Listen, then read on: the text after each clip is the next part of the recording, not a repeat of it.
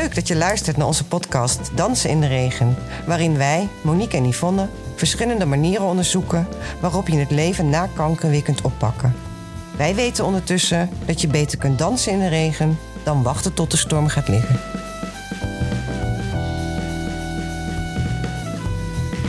Het is gelukt, Monique. We zitten uh, met een man aan tafel. Uh, in de vorige aflevering deden we een oproep. Uh, nou, daar hebben we verschillende mooie reacties op gekregen. Wie gereageerd heeft, heel veel dank daarvoor. Ehm, maar vandaag is bij ons aangeschoven Bart. Goedemorgen. Goedemorgen, Bart. Goedemorgen. voordat we met Bart in gesprek gaan, denk ik dat het ook wel leuk is om nou, het nog even over onze mannen te hebben. Uh, want afgelopen week zijn we allebei in gesprek gegaan uh, met Sjoerd en Jasper, los van elkaar. Uh, hoe was dat, Monique, voor jullie? Um, ja, dat was bijzonder. Want ja, eigenlijk hebben wij allebei onze man een aantal vragen gesteld van... joh, hoe heb jij de hele periode van onze ziekte uh, beleefd. Uh, hoe gaat het nu met je? Wat vond je ervan? We hadden je mee kunnen helpen? Eigenlijk allemaal vragen die we vandaag ook samen met Bart willen, die we aan Bart willen gaan stellen. Um, ja, ik vond het heel bijzonder om het gesprek weer te voeren. Want wanneer doe je dat nou? ik ik vond het al best ingewikkeld om aan tafel te gaan zitten samen. Maar toen we eenmaal zaten en het gesprek hadden, ja, was het ook wel weer heel bijzonder om terug te kijken. En er ook achter te komen dat je het allebei heel anders hebt ervaren. En wat was, wat, wat was er zo bijzonder? Nou, wat bijzonder was, is je staat nooit meer stil. Het leven gaat gewoon door, even heel, heel, heel, eerlijk gezegd. En je staat nooit meer stil samen. Je stelt elkaar niet iedere week de vraag met hoe gaat het nu met je? Of hoe voel je je? Weet je, die gesprekken heb je gewoon niet, want het leven gaat gewoon weer door. Um, maar we staan eigenlijk ook te weinig stil bij wat er allemaal gebeurd is. En ik, uh, ik vond het leuk en fijn om gewoon eens met Jasper te praten over hoe, hoe, hoe is het met je en hoe vond je het. En wat ik er heftiger vond, is dat op de vraag die ik Jasper stelde, wat vond je nou het allermoeilijkste moment? Toen zei hij het allereerste moment. Hij zei het moment dat ik hoorde dat uh, je borstkanker had. Hij zegt dat was toen wist ik gewoon vanaf nu is mijn leven nooit meer, uh, nooit meer zoals het was. En het gekke is dat hij die periode daarna als minder zwaar heeft ervaren. Want toen was het gewoon, ja, we gaan ervoor. En, uh, en is niet helemaal waar hoor, maar het is te, te lang om daar nu bij stil te staan. Maar dat komt misschien zo nog wel in het gesprek. Maar vooral fijn om er gewoon weer eens over te hebben met elkaar. En voor jou, Yvonne? Ja, precies hetzelfde. Uh, onze mannen zijn allebei niet per se enorme praters, denk ik. Dat is wel uh, uh, zoals het is. Maar wij zijn ook echt letterlijk aan tafel gaan zitten. En het, het, was echt wel heel fijn. En wat ik merkte is dat we allebei wel een andere herinnering hebben. Um, waar ik een soort van olifantengeheugen heb en tot op detail dingen terug kan halen. Heeft Sjoerd dat veel minder. Daar ben ik ook wel een beetje jaloers op hoor. Ik zou sommige dingen ook best wel willen wissen van die harde schijf. Uh, maar al praten, er kwam wel heel veel terug. En uh, hij zei ook die eerste weken, die onzekerheid, die vond hij echt gekmakend. Ja. Zegt, je weet dat het borstkanker is. En ik weet wel dat het daarmee, na de eerste dagen, toen zeg maar dat vonnis was gevallen, uh, dat hij dat fijn vond. Niet dat ik ziek was, maar wel nu is er duidelijkheid. Maar daarna was er nog steeds zoveel onzekerheid over welke vorm, welke behandelingen ja, dat was een fulltime baan. Ja. Hij zei, dat vond ik heel zwaar. En toen we eigenlijk wisten wat ons te wachten stond, toen kreeg ik weer een beetje controle terug. Maar toen ging hij in standje overlevingsmodus. Ja, en, uh, dat, dat, herken ik van Jasper ook wel. Die zei, ja, toen was ik degene die het schip moest besturen. En ja. uh, dat ging doen. Dat was mijn taak. Ja.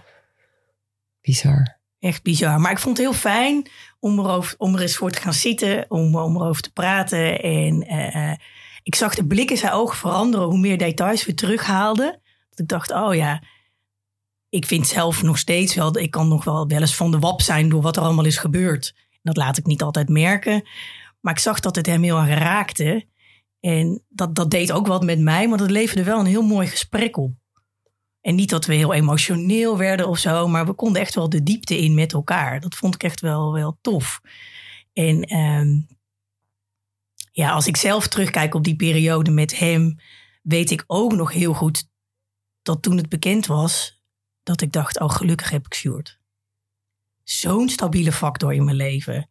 Weet je, daar kan ik enorm op leunen. Um, en we zijn allebei ook wel eens uit de bocht gevlogen. Sorry, misschien is het ook wel goed Om eens te vertellen hoe lang jullie al bij elkaar zijn. Uh, nou, bijna 28 jaar. we zijn high school lovers. Nee, We gaan heel lang terug. We zijn echt met elkaar opgegroeid. En het feit dat je dus elkaar zo door en door kent. Het was voor mij een heel geruststellend gevoel dat hij naast mij stond in die periode. Ik heb ook nooit gedacht, oh, dit gaat helemaal mis. Ik dacht, nou, dit gaan wij echt wel samen doen. Wordt niet leuk, maar we kunnen dit wel. Dat vertrouwen was er meteen. Ja. Hoe, hoe heb jij Jasper beleefd in die periode? Ehm, hoe lang waren jullie toen bij elkaar? Ja, hoe lang waren we bij elkaar? Tien jaar? Ja, Jasper, die, die doet me nu iets. Want ik ben dus niet van de datums. En ik vergeet altijd wanneer we bij elkaar zijn en hoeveel jaar we bij elkaar zijn. Dus, uh, het was net na de, jouw eerste keer kanker. Ja. ja, toen hebben we elkaar leren kennen. Ja, het maakt niet uit hoe lang. Maar in ieder geval, jou was dat voor ons. Um, um, poeh, ik merk dat ik dat een moeilijke vraag vind. Want uh, uiteindelijk heeft het ons dichter bij elkaar gebracht. En dat was ook precies de letterlijke tekst die Jasper mij heeft gezegd. Ik, het heeft ons dichter bij elkaar gebracht.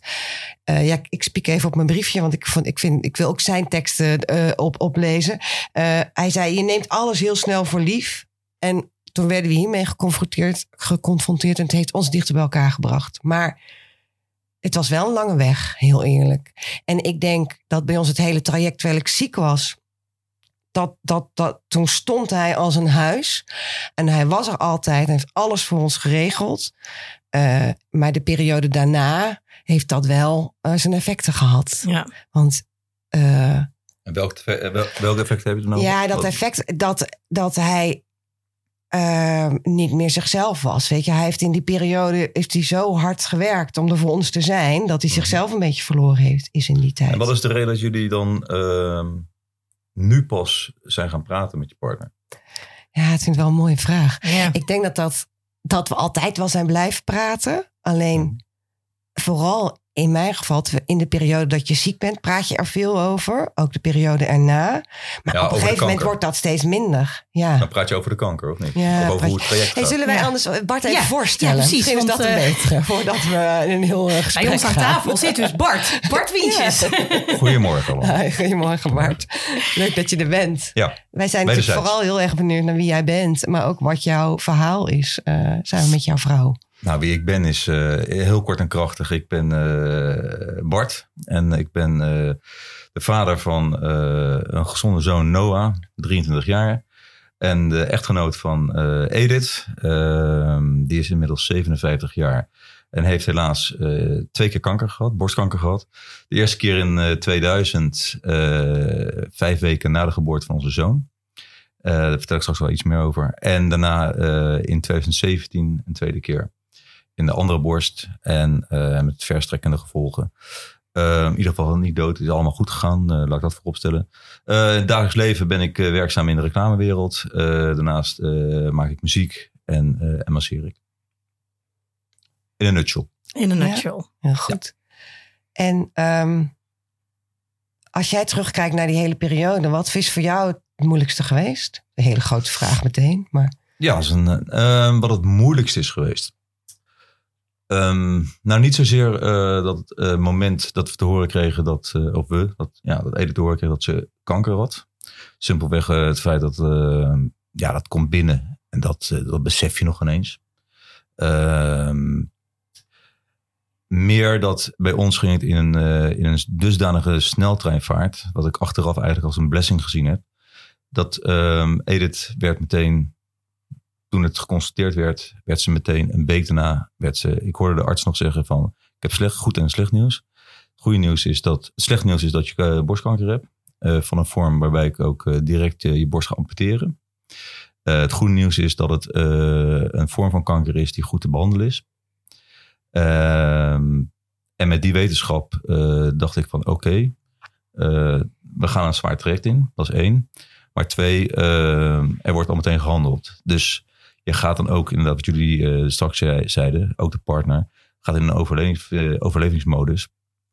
Want uh, toen het gezegd werd, en, toen waren er meteen intakes, controles, et cetera, et cetera. En een week later lag ze in het ziekenhuis en werd borst geamputeerd. Dus er was geen tijd eigenlijk om na te denken. En achteraf heb ik dat gezien als iets wat best wel fijn was. Omdat je toen ook niet heel erg druk kon maken over, oké, wat gaat er nu met ons leven gebeuren? Ja. Ik kan me trouwens herinneren dat dat bij ons de tweede keer samen met Jasper ook echt anders was. Want eh, bij, bij mij waren de eerste weken echt heel spannend. Omdat we Mhm. niet wisten of het was uitgezaaid. Eh, ze waren Ja. heel bang dat het was uitgezaaid. En daarvan zei Jasper nu ook. Hij zegt, ja, ik dacht gewoon, dit is het einde. Dat heeft hij die eerste weken gedacht. Hebben we het nooit over gehad hè, in die tijd. Dus dat is ook, dat blijkbaar durf je daar dan samen niet over te praten. Dat, Nou, nee, eh, dat- ja, ik heb niet meteen gedacht dat is het einde. Ehm, wat ik zei, je gaat in de overlevingsmodus en er wordt meteen gehandeld. De tweede keer daarentegen eh was wel echt een klap in, ons, eh, in mijn gezicht in ieder geval. Dat, eh, toen was ik echt uit het veld geslagen. Van, dat was eigenlijk 17 jaar daarna. En Ja. toen, 17 jaar. 17 Jezus. jaar later dan de eerste keer. En toen, ik weet het nog heel goed, wij zaten op, ik weet niet meer precies de datum, maakt ook niet uit. Eh, wij zaten beneden gewoon een Netflix-serie te kijken om half één. En Ede zei, ik ga pas naar bed toe. En ik kijk nog een kwartier la- langer door naar de serie. En ik zie keer Edith voor me staan met hele grote ogen van, ik voel een bobbeltje en dat is niet goed. Ik zei, nou, en dat was natuurlijk altijd in een weekend gebeurd zoiets. Ja. En eh, dat heeft heel lang geduurd voordat ze wisten dat het kanker was. Ja, en toen we toen zaten en toen zei eigenlijk ze- zelfs de huisarts zei en ook de artsen in het ziekenhuis van kans dat het kanker is, is heel, heel minimaal. En toen gingen we zitten en toen eh, zei hij van nou helaas heb ik toch slecht nieuws. Eh, het is toch kanker. En toen had ik echt zoiets van what the fuck. Eh, hoe dan? Dat is echt of een Mike Tyson achter je staat en op je schouder klopt en dan draai je om en dan in één keer krijg je een ongelofelijke stoot. Dat was echt eentje die ik niet, niet zag aankomen. En hoe ik daarmee ben omgegaan, toen heb ik het ook meer intenser beleefd, moet ik zeggen. Dus eh, Ook wetende van, wat, er, wat er min of meer al komt. ehm, Of kan ja, komen. Ja, ja, maar ook eh, vooral wat toen mij deed beseffen, eh, was het feit dat, eh, ja, dat, dat, dat kanker echt in Edith lichaam zat. En meer in het feit dat eh, ze waarschijnlijk wel een gendrager zou zijn, want het was in de andere borst. Het was wel een andere vorm van kanker, maar toen kreeg ik echt door voor mezelf, dat ik het echt voor mezelf houden, van hier moeten we echt, hierna, als dit traject afgelopen is, moeten we echt hier iets mee gaan doen. Ja. En dat is nog wel een struggle geweest. ja. En hoezo? Ja, want dan, eh, ja, dan, dan dan krijg je op een gegeven moment ook de adviezen vanuit het ziekenhuis, vanuit de, vanuit de artsen, van ga alsjeblieft een genetisch onderzoek doen. eh, om te kijken of je niet gendrager bent. Want als je dat bent, want het was een, sorry, dat was een, eh, de tweede was een borstbesparende operatie. Ehm, als je gendrager bent, dan is de kans heel groot dat je nog voor een derde keer het kan, eh, kan, kanker kan terugkrijgen.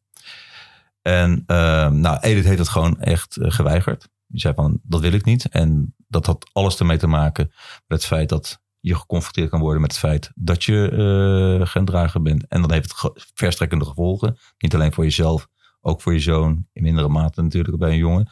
Maar ook voor je nichtjes, je zus, et Ja. cetera, et cetera. Ehm, dus dit werd heel lang uitgesteld. Totdat ehm, ze op een moment, en dan praat ik eventjes, want nu maken we hele grote stappen. eh, zij in- na, net na de coronacrisis heeft besloten van... eh, ik ga toch eh, met de geneticus praten.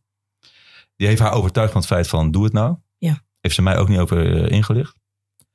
En dan bleek ze helaas dat ze gendrager was. Oh shit. En ehm, van een eh, gen dat eh, de kans op eh, borstkanker vier keer verhoogt. En toen heeft ze ook zonder mij eh, besluit genomen van eh, ik ga mijn borst laten amputeren. Eh, preventief. Hey, en waarom zonder jou? Dat moet je aan haar vragen. Dat, weet ik, dat kan natuurlijk niet in deze podcast. Nee, Nee, maar, nee, maar- eh, Voelde je je daar ook buitenspel gezet? of was dat nee, echt nee, nee, haar ik, nee, keuze? Nee, zeg maar? ik, ik, ik ben heel erg van het feit van het is haar lichaam. Het is haar leven. Eh, het is een volwassen vrouw. Eh, wie ben ik om dat tegen te houden? Ik heb altijd tegen haar gezegd van ik hou net zoveel van je met, met twee borsten als eh, eh, één borst. Dus wat, dat, zij wist hoe ik daarin stond.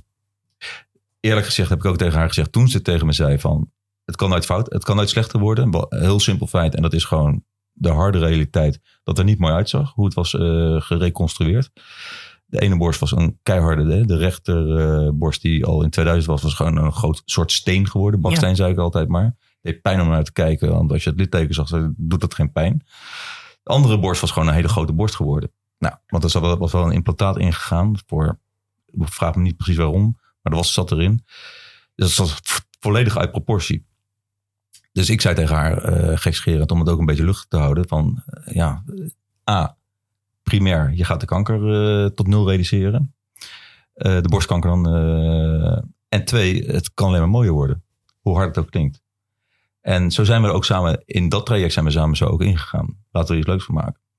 En met het gevolg dat ze nu, na negen maanden, is de laatste operatie geweest.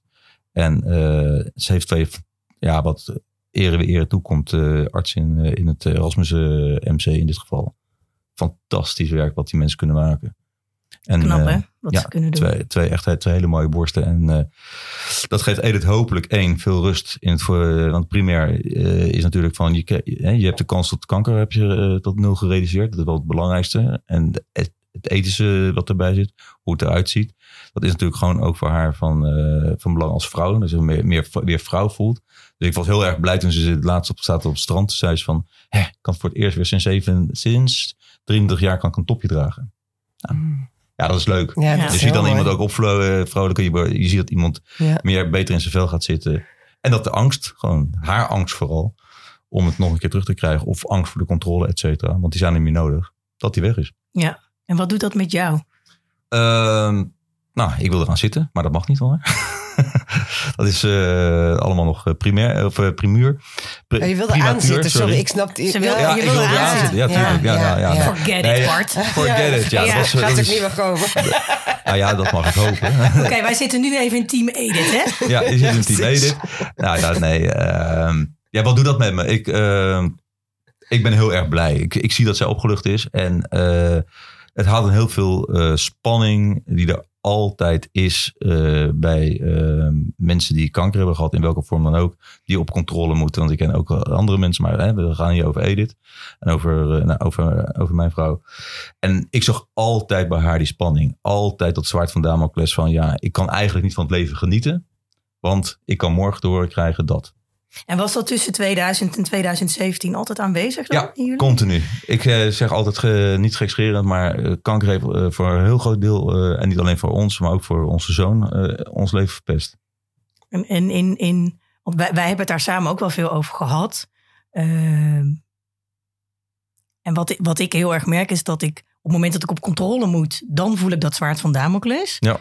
En ook als ik tussentijds iets voel, want het is niet zo dat ik maar één keer per jaar in het ziekenhuis zou komen. Nou, dat zou ik echt fantastisch vinden. Maar er is eigenlijk de afgelopen zeven jaar altijd wel iets geweest tussendoor, waardoor ik toch weer even terug moest en weer heel even in mijn patiëntenstandje schoot. Ehm, maar de rest van het jaar merk ik dat ik het echt wel heel, mm, ja, ik voor 99% los kan laten. Dat ik, het, nou, dat ik het gewoon niet toelaat. Dat ik het vertik om, Ja. om, om daar mijn leven door te laten beïnvloeden. Maar dat wil niet, er is geen goed of slecht hierin, hè Bart? Nou, ik wou net zeggen, dat, eh, dat, dat, eh, dat is voor in ieder geval iedereen... mee omgaan. Nee, maar dat is voor iedereen anders. En Edith werd daarin tegen, eh, werd een hypochonder. En eh, inderdaad, bij elk be- bobbeltje was het meteen, het, het was ook meteen kanker. Maar het, slaat ook, het slo- sloeg ook door. Eh, als ik pijn in mijn maag had of eh, last van mijn darmen had, dan was Edith degene die zei van, zou je naar de dokter gaan? Misschien heb je wel darmkanker. Ja. En op een gegeven moment ging ik er zelf ook in geloven. Ja. Dus je maakt elkaar op een gegeven moment ook gek. Ja. Dus ik hoorde net iemand zeggen, stabiele factor. Dat ben je wel, want je bent, gewoon, je bent gewoon aanwezig omdat je gewoon moet overleven. Punt. Je kan niet anders, je hebt geen andere keuze. Dat is één. Twee, op een gegeven moment word je ook meegezogen en word je ook gek van die, van die kanker. Maar wat En een dat- impact heeft dat dan, hè? Ja, Zo. dat zag ik ook bij mijn zoon. Mijn zoon, een heel eh, voorbeeld voor deze podcast is dat bijvoorbeeld mijn zoon, die, eh, ja, eh, wat ik zei, die is 23, maar toen die jongen die altijd eh, goed gaat, leuke dingen doet met zijn vrienden, een fijne vriendin heeft, van alles onderneemt, nu lekker op reis is. Ehm, twee jaar geleden merk, merkte ik en e- ook Edith dat, dat hij afwijkend gedrag had. Van, hij ging minder uit. Als ik zei, joh, ga even met die vrienden, ga even met ze eten. Kwam hij na twee seconden weer terug, moest overgeven. Ik zei, wat is er met je aan de hand? Nou, wat bleek nou? Dat hij een jaar lang, mind you, een jaar lang, iemand van dan 22, dus 21, hij had een knobbeltje bij zijn, eh, tussen zijn ballen gevoeld. En hij was er heilig van overtuigd, de geschiedenis met zijn moeder, dat hij eh, prostaatkanker had. En dat had hij had heel Google, nou dan ben je al, als je Google gaat Ja, zoeken, dan ben je al, sta, sta, bestellen. sta, sta je al met één been in, in je graf. Ehm, en dat heeft hij niet met ons gedeeld. Nou, die spanning heeft zich zo enorm opge, eh, opgebouwd. Dus, dus sommige, sommige conflicten met mijn zoon, waarvan ik dacht, waar komt deze uitborsting vandaan? Die kan ik nergens plaatsen. Die kon ik in één keer plaatsen. Want hij stond onder zo'n stresslevel. Ja. Want hij deelde dat niet met ons. En uiteindelijk, ja, dan loopt het emmertje een keer over. En toen vertelde hij het ons. En toen is Edith met hem meteen naar de dokter gegaan. Nou, en die heeft hem meteen gerust kunnen stellen van... nee, joh, dat is, he- dat is helemaal niks. De- dit is X, Y, Z. En eh, dus zet dat alsjeblieft uit je hoofd. En toen hebben wij gezegd van... ehm, ja, dat gaat niet. Dus we hadden net over die knop omzetten. Want ik zal daar komen hoe ik ermee om ben gegaan. Ik heb toen met hem... Of Edith en ik hebben toen met hem gesproken en gezegd van... ga met iemand praten. Ja. Iemand die jou daarbij kan helpen over... Je hoeft ons niks met ons te delen. Over wat de hele situatie met mama met jou gedaan heeft. Dat is één. En twee, wat je, wat je zelf te verwerken hebt daarin. Nou, dat heeft hij gelukkig opgepakt. En daar eh, ben ik eh, een eh psychologenpraktijk in Den Haag heel erg dankbaar voor. Wat die daarin gespecialiseerd zijn voor jongeren. En sindsdien is dat, dat ook is het over. En is die angst, die paniek is weg. Ja, Ja, goed hoor. Goed dat jullie dat gedaan hebben ook. Want, Ja, ik denk dat het heel belangrijk is. Ja. Ja. En ook dat, dat, ja, dat hebben wij ook. Het is vaak heel veel fijner om met mensen te gaan praten die niet dichtbij staan. Of met iemand te gaan praten, omdat dat je helpt. Hey, als we heel even terug in de tijd gaan, eh, Bart. Ja. En in de, in de eerste periode. Wat eh, was de invloed daarvan op jou? En eh, hoe is die, die eerste periode geweest bij jullie? Ehm, heel hectisch. Eh Edith werd, wat ik zei, wat, eh, meteen geopereerd. Ehm, toen kwamen er heel veel bestralingen. En dan ga je gewoon in de overlevensmodus. Heel simpel. Dan moet je geluk hebben dat je een baas hebt die, eh, die je de ruimte geeft. En, ehm, Ja, en je had een heel jong kind, toch? Even en, je had een heel, en ik had al een heel jong kind. Dus die, Baby.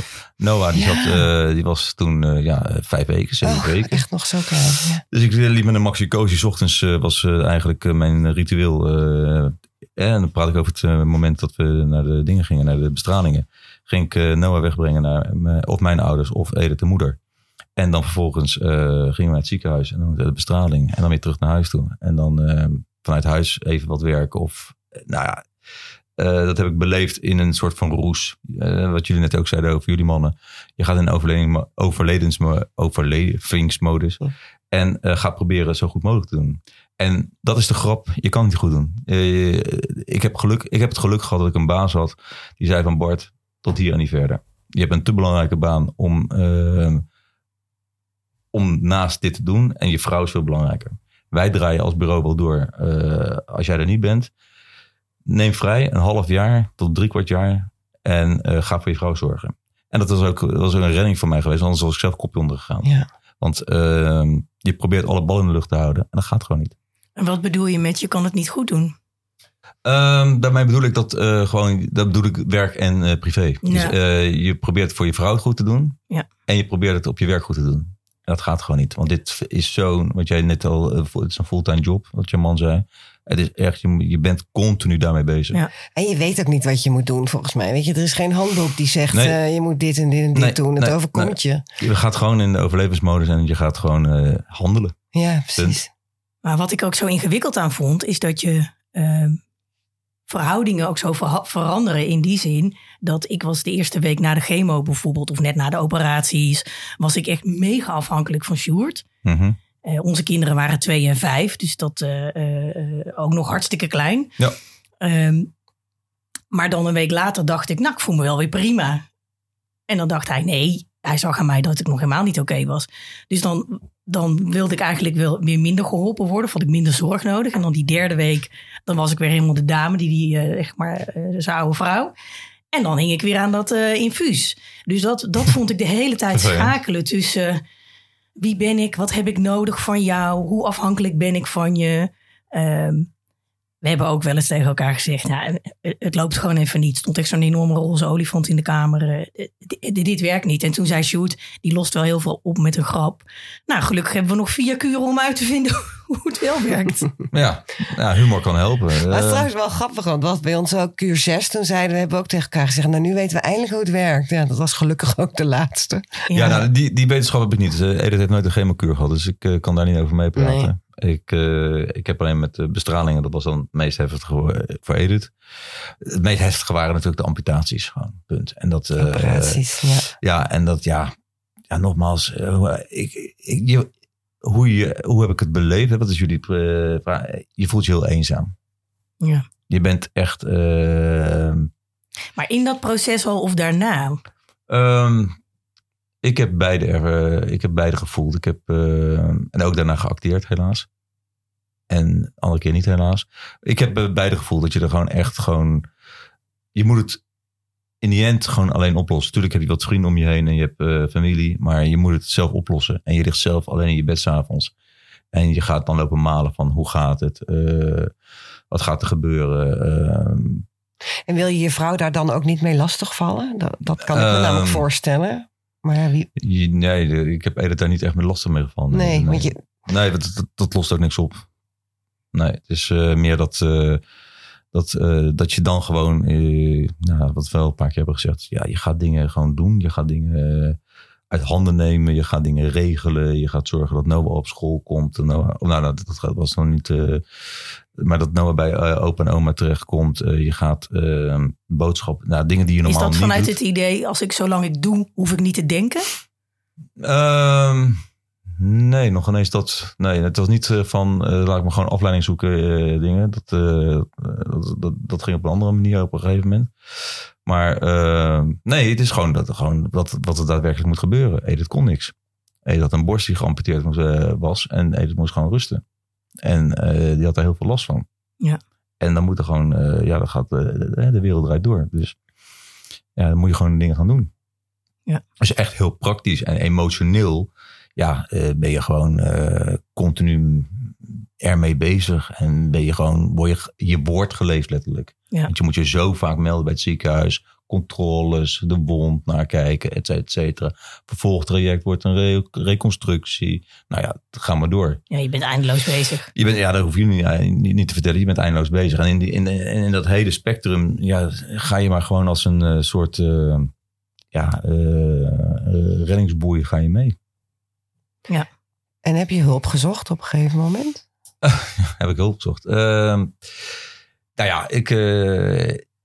Op een gegeven moment. Je komt natuurlijk op een gegeven moment in een fase dat. ehm, dat dingen achter de rug zijn. In de zin van hè, de, Ja. de wond is genezen. Er zijn, we zijn bezig in een healingsproces van het nou, ehm, reconstructies, et cetera. Eh, de eerste controles zijn geweest eh, of alles goed ging. En dan ging het goed. En dan krijg je dus in ons geval, laat ik het vooral bij mezelf houden. In ons geval dat, dat het doorgaat. En dan, dan is heel bepalend in mijn ogen het karakter van de vrouw, van, van je partner.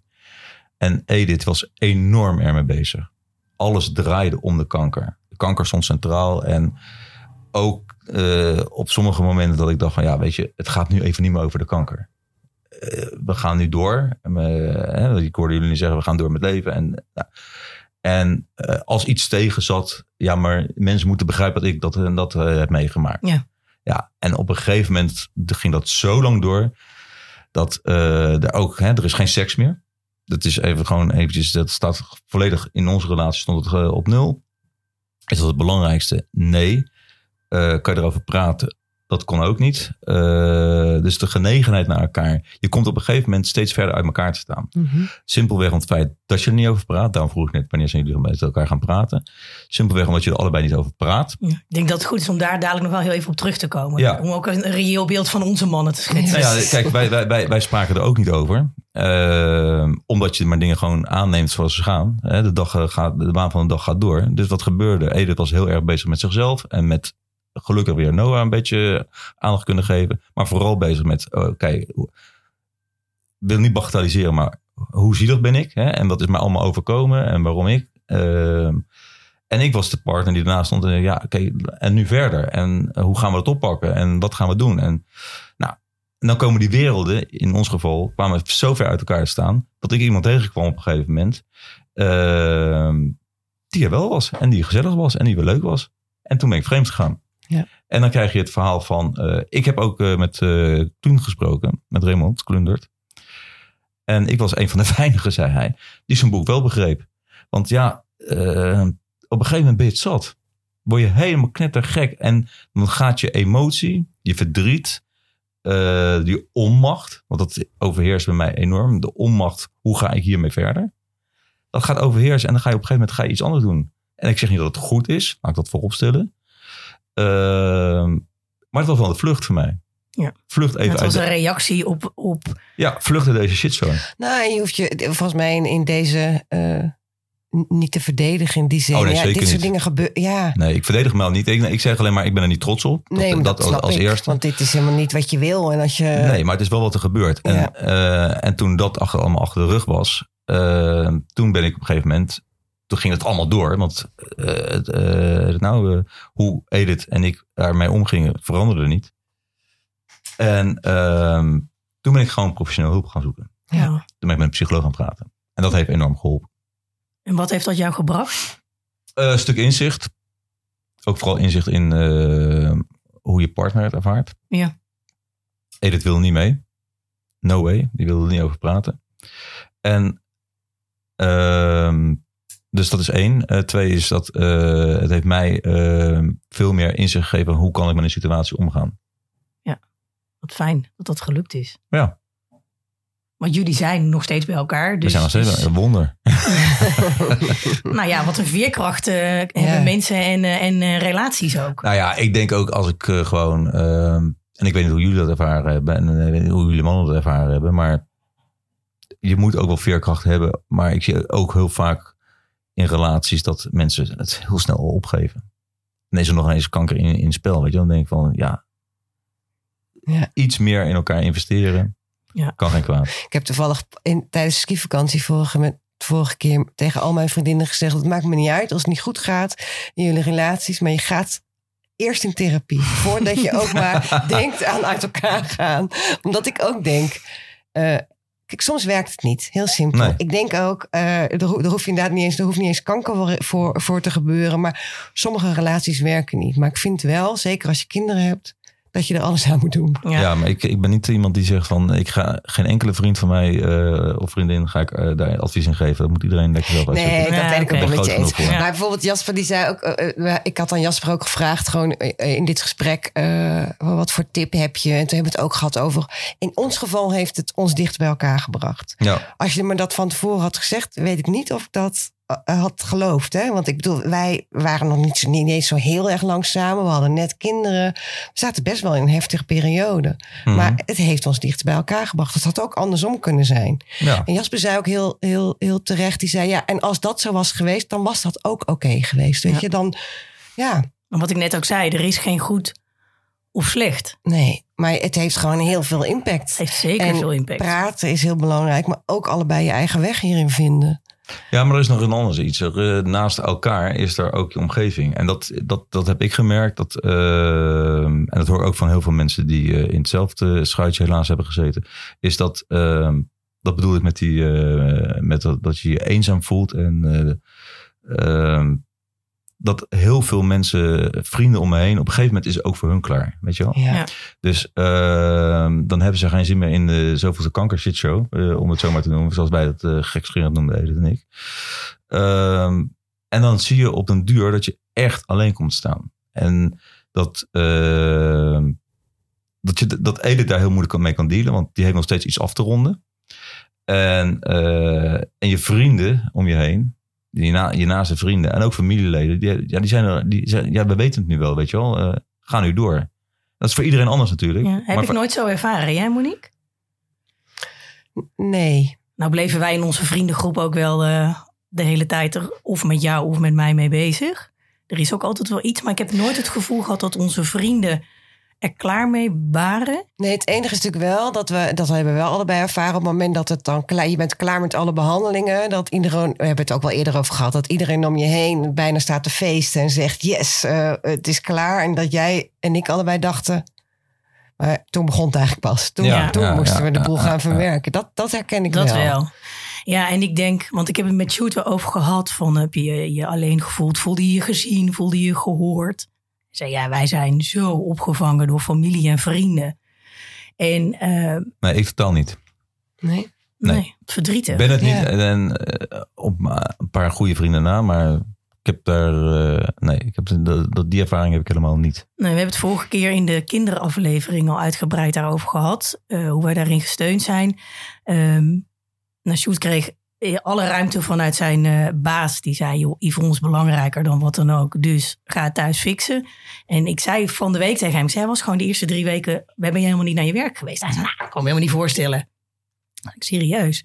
Maar daarna zei ik wel tegen hem, ga alsjeblieft weer aan het werk. Ik ben niet het type wat hier jouw hand wil vasthouden de hele dag op de bank. Daar word ik helemaal kriegel van. En hoe fijn is het? Ik zit hier het komende jaar of anderhalf jaar in die kanker shitzooi. Maar jij kan er af en toe uitstappen. Doe dat. Ja. En ik heb niet de hele dag iemand om me heen nodig.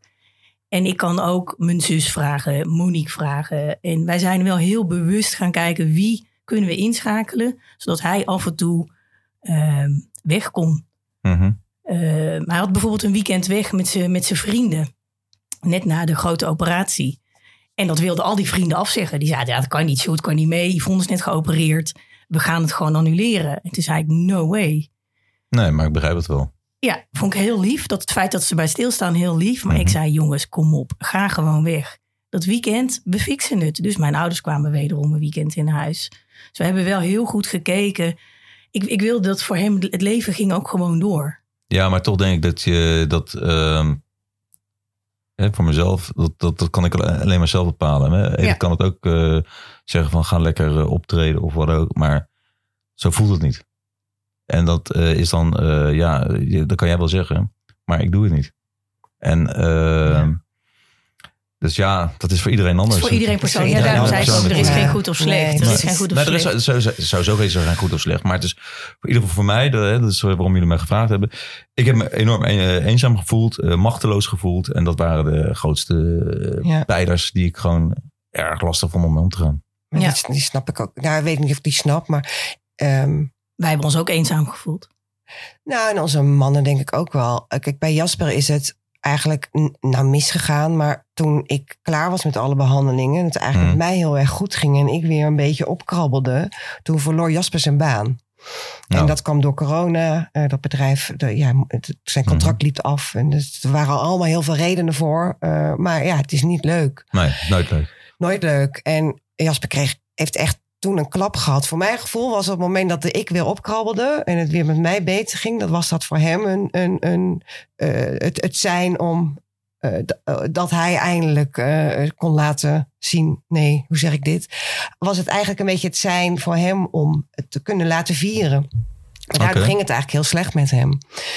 Ehm, hij is toen gaan praten met iemand ook. Dus hij is ook hulp gaan zoeken. Is met Mhm. een psycholoog gaan praten. En dat heeft hem heel erg geholpen. Maar ik kon hem daar niet bij helpen. En als vrouw zijn vond ik dat wel heel moeilijk. Dat ik echt dacht, je kan toch met mij praten? Maar ja, zo werkt het gewoon niet. En waarom denk je dat het niet werkt? Eh, omdat hij mij misschien ook nog wel steeds als die, als die patiënt zag. En ik weet niet, ik- man en vrouw zitten anders in elkaar. Weet je, waar, waar hij ging vaak in weekend weg met vrienden. Ehm, en ik dacht dat hij ook veel met zijn vrienden gesproken had over mij en over de ziekte. En daar Mhm. had ik hem over gevraagd. Eh, en hij zei daarover nee. Hij zei, ik wilde altijd maar één ding. En dat was lol maken, lachen en drinken. Ja, Zei ik had even helemaal geen behoefte om te kletsen. Ja, wij vrouwen hebben altijd behoefte om te kletsen. dat precies daarom is ook de reden waarom ik het vraag. Het is, eh Ed en ik hadden het ook niet. Nee, En ehm, omdat je ook, je staat ook letterlijk te dicht bij elkaar. ja, precies. En ehm, dat kan heel snel uitmonden in eh, emoties die weer kletsen. eh, waardoor je niet tot de kern komt wat je eigenlijk met elkaar uit liefde wil bespreken. Ja. En ehm, ja, soms zijn er gewoon eh, vrienden die er wel naar luisteren en die er heel anders op, op reageren. Onze mannen hebben, zo mijn stem weigert even. Onze mannen hebben er samen ook nooit over gepraat. Dat heb ik Sjoerd van de week gevraagd. Dat is eigenlijk best bizar. Zei hij, ja, maar als we dan weg waren, dan had ik daar ook geen behoefte aan. Nee, precies. Ik wilde gewoon lol maken. Ik wilde gewoon. Maar eh, lol maken, hadden jullie mannen nooit eh, het gevoel dat ze eh, machteloos waren, zich Ja. alleen voelden? Ja, Ja, wel. zeker. Maar ehm, in het geval van mijn man is de oplossing niet praten. Die moet gewoon eh, op zijn racefiets Mhm. eh, eh, zijn kop leeg fietsen. Wat overigens wel een keer, eh, hij heeft nooit pech met zijn fiets. En na de chemo mocht ik geen auto rijden, want dan eh, vanwege de medicatie. Eh, en hij heeft een keer op vrijdagavond gebeld. Toen eh, was hij rondje fietsen en toen zei hij, nou, eh, Ik weet niet meer wat er was gebeurd. Hij kon in ieder geval niet meer verder op dat ding. Zei hij, ik ben wat later thuis, ga maar lekker naar bed. Ik heb uh, Menno, een vriend van ons, heb ik al gebeld. Die kon me ophalen, want mijn fiets is kapot. En dat duurde maar, maar ze waren met z'n tweeën in de kroeg beland. Ja, dat snap ik. Ja. En misschien is er toen wel iets besproken, maar daarvan denk ik, ja... Ja, hij, hij zegt dat ze er nooit eindeloos over hebben gepraat. Ja, wat ik zeg, hij is daar niet de type voor. En dan, dan is het ook fijn als het wel is besproken, dat ik, daar hoef ik dan niet ook de details nog van te weten. Alles wat wij samen bespreken, Monique, nee, koppel ik ook niet terug naar Nee, maar dat is ook niet nodig, denk ik. Nee. nee. Hey, heeft, het, uh, heeft het je ook iets gebracht? Heeft me iets gebracht? uh, ja, nou ja, wat, wat, het grootste wat het me gebracht heeft, is dat, uh, zijn twee dingen eigenlijk. Dat mijn gezin, dus mijn vrouw, mijn kind, sorry, mijn vrouw, mijn kind, mijn schoondochter en ikzelf, dat het op nummer één staat. Het belangrijkste is. Uh, en het andere wat mij gebracht heeft. Uh, ik zei al aan het begin van deze podcast dat ik uh, iemand ben uit de reclamewereld. Nou, als er een plastic wereld in deze wereld is, is het de reclamewereld. Alles draait om grote auto's, uh, dik salaris, et cetera. En ehm, daar heb ik, daar deed ik ook volledig aan mee. aan, dat, aan dat plaatje in stand te houden. En daar heb ik volledig afstand van genomen. Ik heb, dat, als je ik ben veel meer gaan uh, connecten met mensen uh, op een heel ander niveau. Gewoon veel meer dingen gaan doen die ik echt leuk vond. Um, en de, de, de, de dooddoener van je moet altijd doen wat, uh, wat je het leukste vindt. Ja, dat moet nou maar net kunnen, weet je wel. Um, dus ik ben, wat mij gebracht heeft is veel meer realiteitszin op een normale manier omgaan met, uh, met problemen. Geen problemen meer uit de weg gaan ook. Dus ook gewoon mensen durven aan te spreken op. Op een gegeven moment ga je ook onzeker gedrag vertonen. Althans ik in dit, in dit geval. En uh, het heeft me vooral gebracht dat we gewoon genieten met je gezin van uh, de dingen die er echt toe doen. En dat bedoel ik mee dat je als je in de gelukkige omstandigheid bent dat je een keer naar New York toe kan. Uh, dat je een keer lekker met z'n vieren, uh, met vrienden een, een, leuke barbecue heeft, hebt. En dat niet voor granted neemt. Dat het gewoon echt heel bijzonder is. Want het is echt, je kan, en dat zeg ik tegen heel veel mensen. Je gaat het ziekenhuis in omdat je gewoon ergens gewoon een beetje last van hebt. En, dingen, en je komt eruit. En je doodvonnis is bij wijze van spreken getekend. Ja. Punt. En dat, uh, dat beseffen zo weinig mensen zich. Nou, iedereen, nee, iedereen weet het. Maar sommigen gaan gewoon door. Je gaat door. Nee, door, iedereen door. weet het, maar heel weinig mensen beseffen het zich. En ik Ja, ook zelf precies. ook hoor. Ik zelf ook. Ik dacht ook van, weet je wel, eh, we zeggen allemaal carpe diem. En, eh, maar het kan gewoon, eh, je kan volgens wakker worden en je kan het gewoon hebben. Ja. En daarom, wat, als ik als laatste nog mag zeggen, wat het mij ook gedaan heeft. Ik heb een, eh, ben bezig met iets op mijn bedrijfje op te, te starten. Dat heet eh eh, MAD, Music Against Diseases. Dus dat is mu- muziek tegen kanker in het geval. Ehm, maar wat ik daar wel over wil zeggen is dat ik bijvoorbeeld dat ik dat het dat, als het gaat om wat heeft met mij gedaan, dat ik me enorm kwaad kan maken over bijvoorbeeld de, de invloed van zorgverzekeraars en eh, de farmaceutische industrie in dit geheel, die zoveel bepalend zijn. En dat, eh, dat was Edith, die kon zich dan, ja, kan je niet druk maken over mij?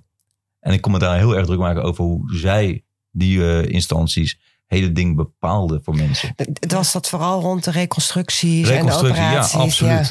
Eh, gewoon, eh, er werden gewoon, eh, nog, ja, er werden gewoon, bij Edith werden er gewoon dingen niet vergoed. Omdat Ja. het volgens het protocol dat een Ja. zorgverzekeraar had opgesteld, het X, Y, Z moest zijn.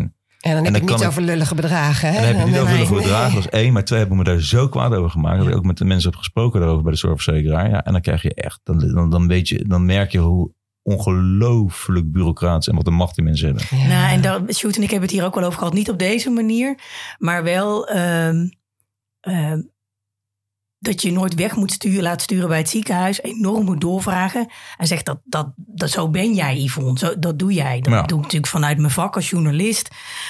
Maar hij zei, jij bleef altijd doorzoeken, doorvragen. Ehm, mijn tweede reconstructie, bij mij is twee keer gereconstrueerd. Heb ik zelf helemaal uitgezocht. Wat ik wilde, hoe ik het wilde. Wetenschappelijke onderzoeken erop nageslagen. Hij zei ja, en ik ging daarin mee. Jij, volg- jij volgt je gevoel. En vervolgens ga je het wetenschappelijk onderbouwen. Ga je informatie zoeken, ga je Ja. maar door.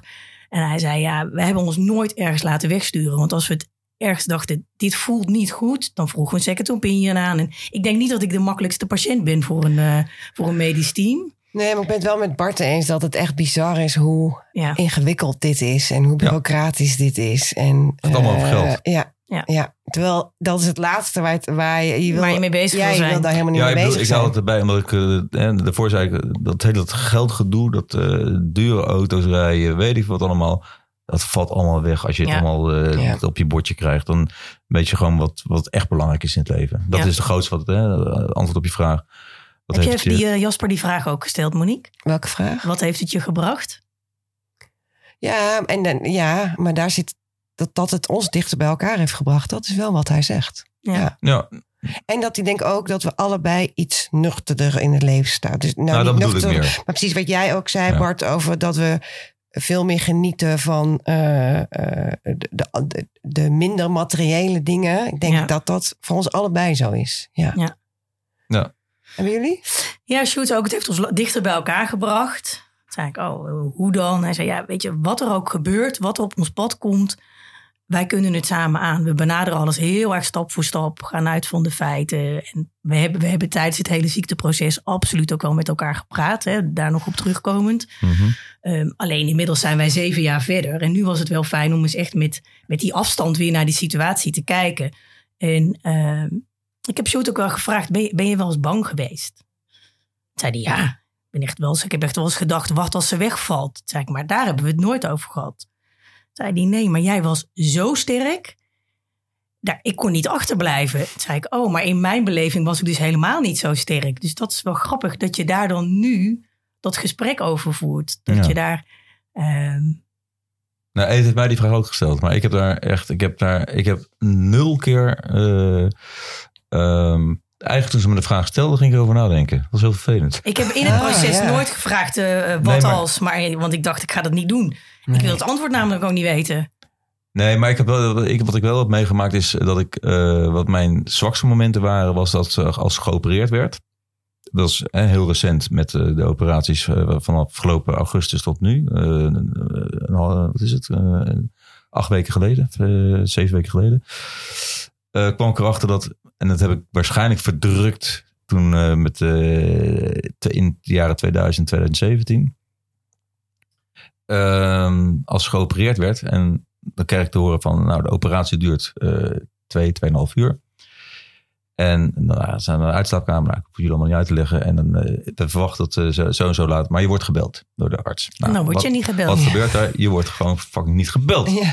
Dan zit je daar en dan denk je van, oké, het is nu vier uur. Nou moet je toch bijna al eh, weer een halve marathon kunnen lopen. Hey, en wat, wat eigenlijk uit jouw hele verhaal wel ook wel blijkt, is je blijft dus, wat wij ook wel eerder tegen elkaar hebben gezegd, je blijft altijd patiënt. Eh, in, die, die kanker gaat je hele leven met je, met je mee, in Ja. meer of mindere mate. En ik vroeg dat ook Sjoerd. Ik zou, ja, wij, wij vinden allebei wel dat we echt wel zijn veranderd. eh, anders in het leven zijn gaan staan. Dus ik zei tegen Sjoerd, vind jij dat jij een andere vrouw hebt teruggekregen? Mhm. Echt grote ogen. Nee joh, helemaal niet. Jij bent weer gewoon wie je was. Zei ik, ja, ik vind dat zelf dus niet. Ik ben echt wel veranderd. En natuurlijk hoe zijn we dan? ook... Hoe ben je veranderd?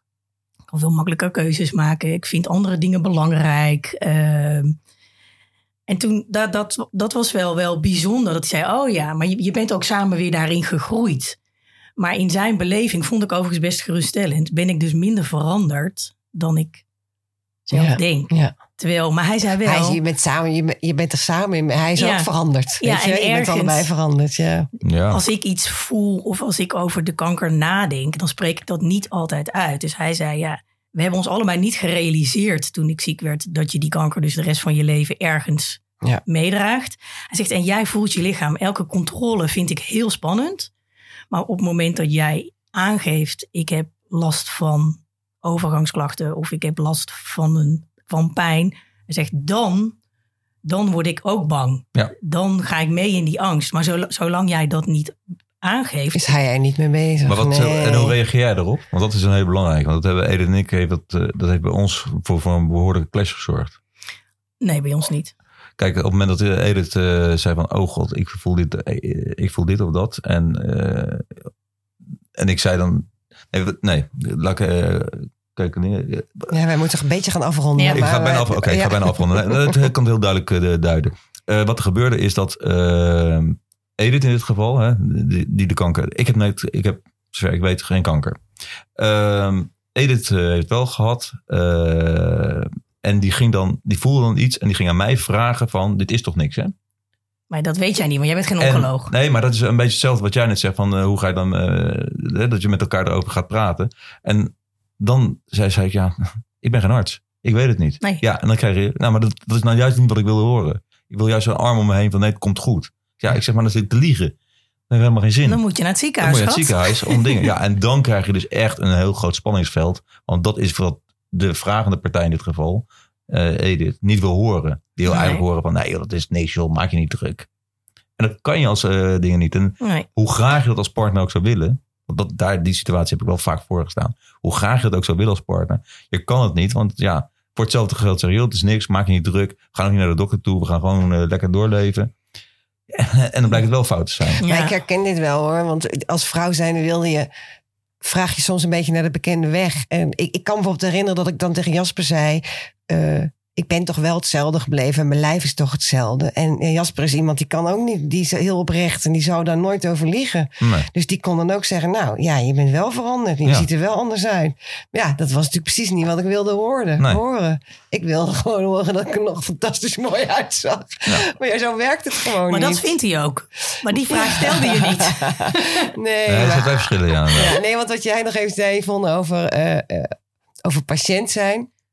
Jasper zei daarvan wel, en dat, dat, dat, dat weet ik ook, maar het vind ik altijd wel moeilijk om te horen. Eh, er is wel altijd iets. Ik merk, ik zit toch nog steeds, het gaat heel erg goed met me. Ik ben nu drie jaar verder. Mhm. Maar ehm, ik heb toch nog steeds, als ik niet blijf sporten, dan krijg ik, begin ik, krijg ik last van mijn nek, van mijn rug, wat ik vroeger Hmm. nooit had. Eh, dus hij gaf me wel aan, ja, hij zegt, ergens ben jij nog wel steeds patiënt. Nou, Ja. vond ik best heftig om te horen. Terwijl zelf dacht ik, eh, ik ben er helemaal. En ik moet nog steeds accepteren dat dat nooit meer zo is. Ja, Ja, ja, de- zou ik, ik heb me dat van tevoren niet gerealiseerd. Maar we nemen dit voor altijd met ons mee.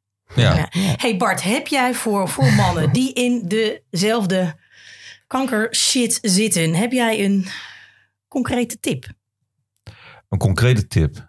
Eh, ja, dat is ehm, als ik mensen of mannen die in een gelijke, ho- onverhoopt in een gelijke situatie terechtkomen, is ehm, ga met iemand praten. Ja. En dat ehm, laat je ego dat niet in de weg staan. Eh, zoek professionele hulp. Want dit is iets wat je gewoon zelf niet alleen kan. Dit is groter dan jij. Mooi. Ja, ik vind dit een hele mooie afsluiter, denk ik, voor een En mooi Sjoerd, gesprek. Sjoerd had ook nog een hele mooie tip. Mag ik die nog delen? Die zei, ga altijd mee of zorg dat er iemand anders meegaat. En neem gesprekken op. Hoe vaak wij niet in de auto als twee weldenkende mensen terugzaten en zeiden... Wat zei die nou eigenlijk precies? Hoezo? Eh, hij zei, je zit zo vol emoties. Na de eerste zin heb je geen flauw meer idee meer wat daarna nog komt. Dus hij zei, en die wordt wel heel vaak genoemd. En hij zei, vier alle leuke dingen. 90% van de tijd is eigenlijk gewoon kut. maar het wordt uiteindelijk beter. Dus die 10% pak gewoon alles en vier gewoon het leven. Dankjewel Bart voor je hele openhartige verhaal. Ik, eh, Jullie bedankt. Ik hoop dat er eh, mensen mee eh, geholpen zijn.